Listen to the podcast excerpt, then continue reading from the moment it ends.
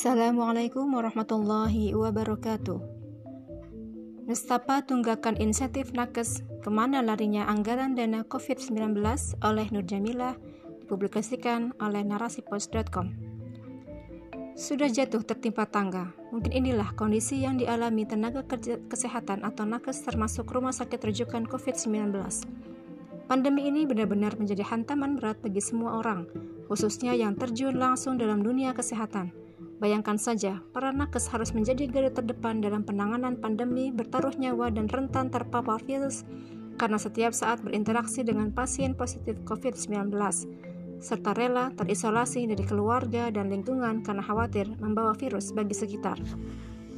Naas, semua pengorbanan itu bukannya mendapat apresiasi yang pantas dari negara, justru hak mereka berupa insentif yang pernah dijanjikan pemimpin negeri ini tak kunjung cair. Lantas, ke manakah mengalirnya dana COVID-19? Padahal, dana COVID-19 digadang-gadang menjadi primadona di masa pandemi hingga dilakukan pemangkasan besar-besaran pada anggaran dari banyak sektor demi terkumpulnya dana yang tidak sedikit ini. Ini adalah sekelumit dari sederet masalah dalam pengelolaan anggaran penanganan pandemi. Dilansir dari tempo.co.id, bahwa Sekretaris Jenderal Perhimpunan Hotel dan Restoran Indonesia (PHRI) Maulana Yusron melayangkan surat kepada Badan Nasional Penanggulangan Bencana atau BNPB perihal kekurangan pembayaran kepada jaringan hotel yang selama ini menyediakan fasilitas isolasi pasien COVID-19 tanpa gejala dan akomodasi tenaga kesehatan. Hal tersebut mengganggu biaya operasional hotel, penggajian pegawai, dan pembayaran pada rekanan. Nilai yang belum terbayar cukup fantastis, yakni sebesar 140 miliar dari tagihan 200 miliar rupiah. Direktur Pelayanan Kesehatan Rujukan Kementerian Kesehatan Rita Rogayah mengatakan klaim pembayaran pelayanan rumah sakit rujukan COVID-19 pada tahun 2020 mencapai 22,08 triliun rupiah.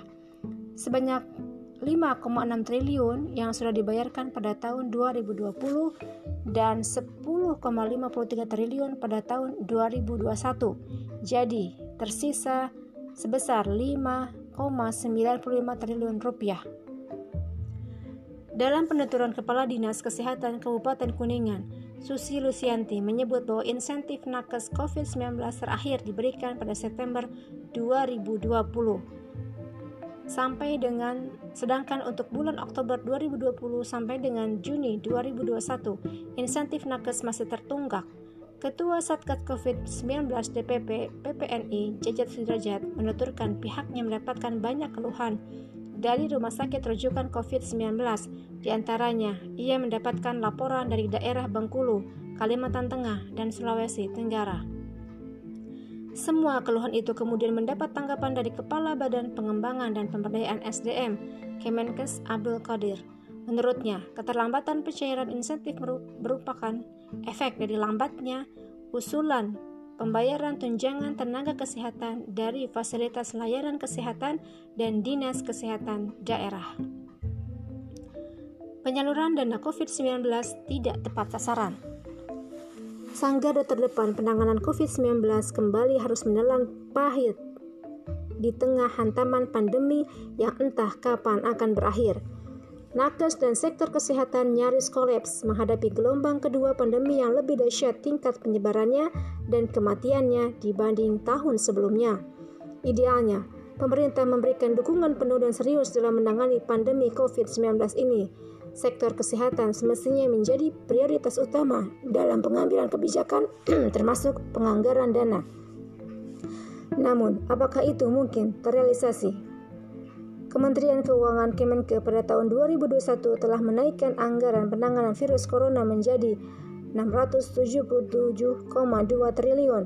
Jumlah tersebut mengalami peningkatan dari alokasi anggaran sebelumnya yang sebesar 405,1 triliun di tahun 2020 untuk bidang kesehatan sebesar 87,55 triliun, untuk perlindungan sosial sebesar 203,90 triliun, dukungan kepada UMKM sebesar 123,46 triliun, insentif dunia usaha sebesar 120,61 triliun.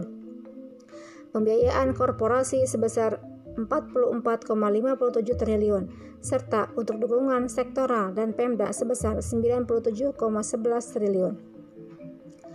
Dalam bidang kesehatan, pemerintah akan mengalokasikan untuk belanja penanganan COVID-19 sebesar 65,80 triliun, insentif tenaga medis 5,90 triliun, santunan kematian 300 juta, bantuan iuran jaminan kesehatan nasional atau JKN 3 triliun, alokasi dana untuk gugus tugas COVID-19 sebesar 3,5 triliun, serta insentif perpajakan di bidang kesehatan sebesar 9,05 triliun.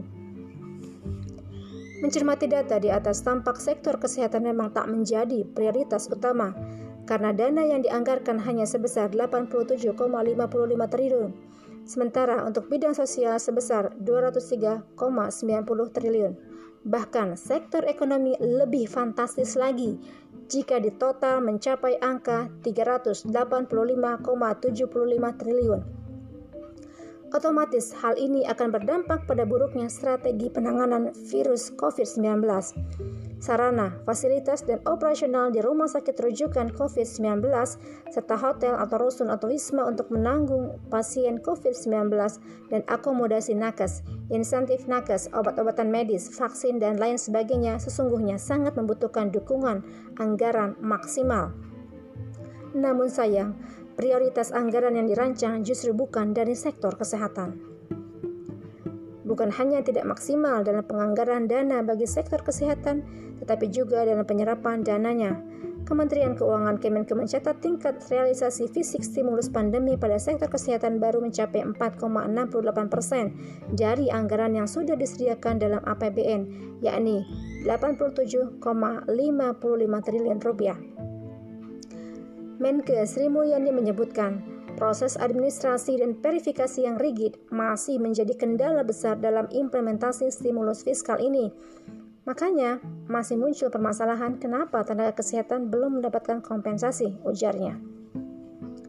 Hal itu diamini oleh Direktur Institute for Development on Economics and Finance atau INDEF, Tauhid Ahmad, menilai titik permasalahan pada rendahnya penyerapan dana anggaran terletak pada mekanisme administrasi reimbursement.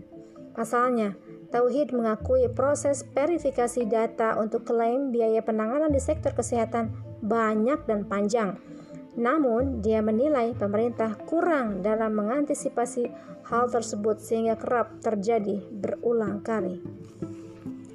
Inilah sesungguhnya yang menjadi biang masalah mengapa anggaran penanganan pandemi COVID-19 yang jumlahnya cukup besar ternyata tidak berkorelasi positif dengan bidang kesehatan. Ternyata disebabkan minimnya jatah anggaran bagi sektor kesehatan dan seretnya penyaluran dana tersebab mekanisme administrasi yang berbelit dan panjang. Seharusnya negara memberikan perhatian penuh pada penyelesaian pandemi COVID-19 agar lebih banyak lagi nyawa yang dapat terselamatkan. Maka seluruh aktivitas negara harus terkonsentrasi pada pengurangan dan penyelesaian pandemi. Aktivitas yang tidak mengarah pada penyelesaian pandemi seperti pengurangan kasus, pencegahan, dan penyembuhan akan ditunda sampai pandemi berakhir. Sebesar apa pun upaya dan dana yang dikerahkan negara untuk memulihkan ekonomi di tengah pandemi akan berujung kesia-siaan Sekuat apa pun sektor wisata, bisnis, atau proyek infrastruktur digenjot, tetapi jika sumber daya manusianya banyak yang sakit, perekonomian akan sangat sulit digerakkan.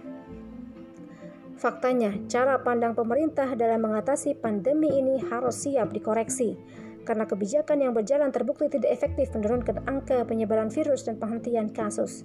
Ini semua menunjukkan bahwa kendati selama pandemi pemerintah telah lebih menomorsatukan sektor ekonomi, realitas yang terjadi masih jauh dari solusi.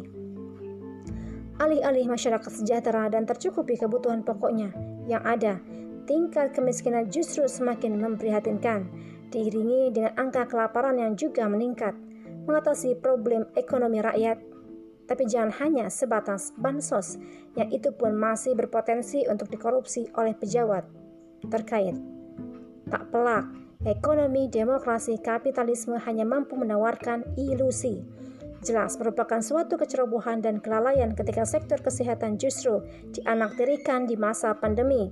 Dana operasional kesehatan yang tak, yang seret, insentif nakes yang tak kunjung cair, tunggakan kepada rumah sakit yang semakin menggunung akan berimbas pada melemahnya kinerja dan mengendurnya semangat para pejuang di garda terdepan dalam penanganan COVID-19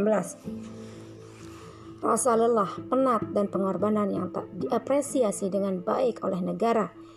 Jika sudah seperti ini, kolapsnya negara menjadi taruhannya.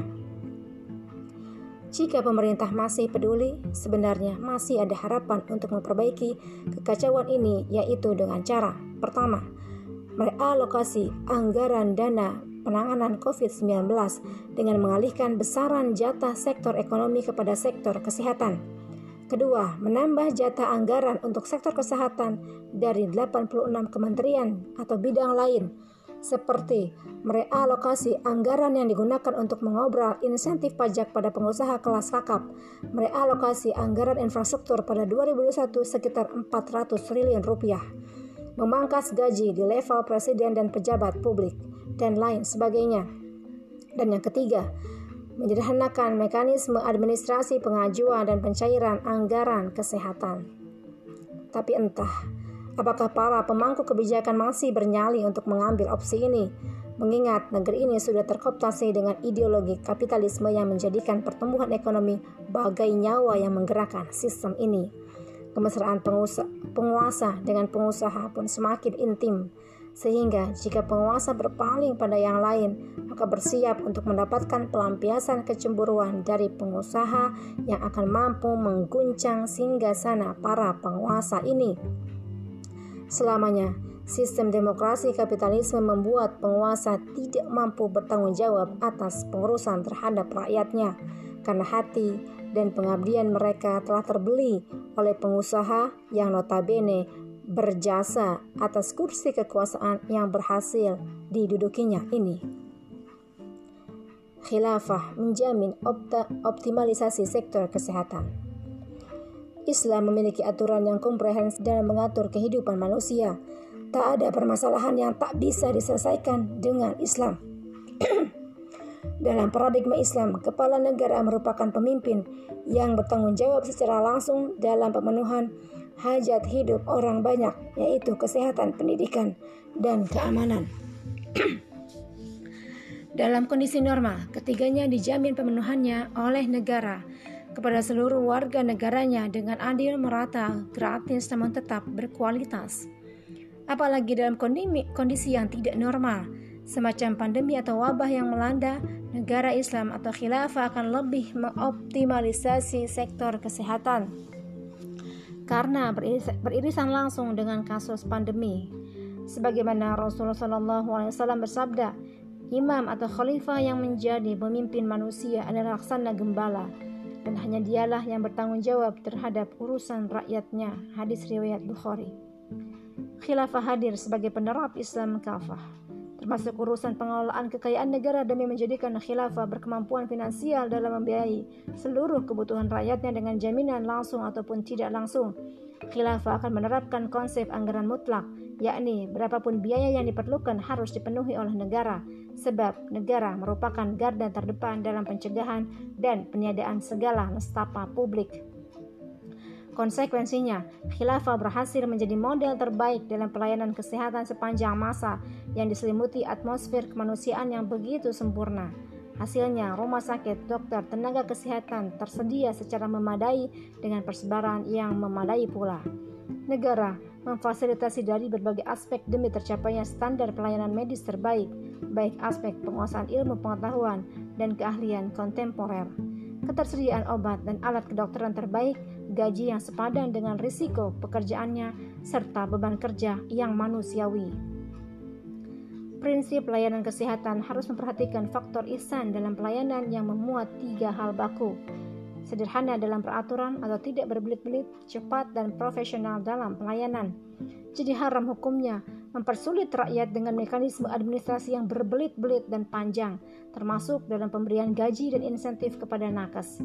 Sebab itu adalah hak yang harus mereka terima sebagai kompensasi dari jasa dan pengorbanan yang mereka lakukan dalam memberikan pelayanan kesehatan. Demikianlah, tenaga medis akan bekerja dengan tenang dan penuh semangat serta dedikasi tinggi karena didukung segala fasilitas yang dibutuhkan dan insentif yang sepadan dengan pengorbanan yang diberikan. Inilah yang pernah terjadi di masa sistem Islam di bawah naungan khilafah. Wabah yang terjadi bisa diatasi dengan mudah dan cepat dengan adanya peran aktif dan serius dari negara optimalisasi anggaran dan pelayanan kesehatan sekaligus didukung oleh rakyat yang menaati semua arahan-arahannya. Umat Islam pun mampu keluar dari berbagai ujian yang menimpanya dengan penanganan yang cepat dan tepat. Dengan demikian, amat jauh berbeda antara sistem sekuler yang sekarang diterapkan dengan sistem khilafah ajaran Islam. Hanya sistem Islam yang mampu mengakhiri pandemi COVID-19. Hari ini, dunia juga Indonesia sangat membutuhkan kehadiran khilafah sebagai pembebas dari himpitan segala nestapa, pembimbing pada jalan kemuliaan. Lebih daripada itu, khilafah adalah ajaran Islam, syariat Islam yang diwajibkan Allah Subhanahu wa taala kepada kita semua. Wahai orang-orang yang beriman, penuhilah seruan Allah dan Rasul apabila dia menyerumu kepada sesuatu yang memberi kehidupan kepadamu. Quran Surah Al-Anfal ayat 24 Wallahu a'lam bishawab. Wassalamualaikum warahmatullahi wabarakatuh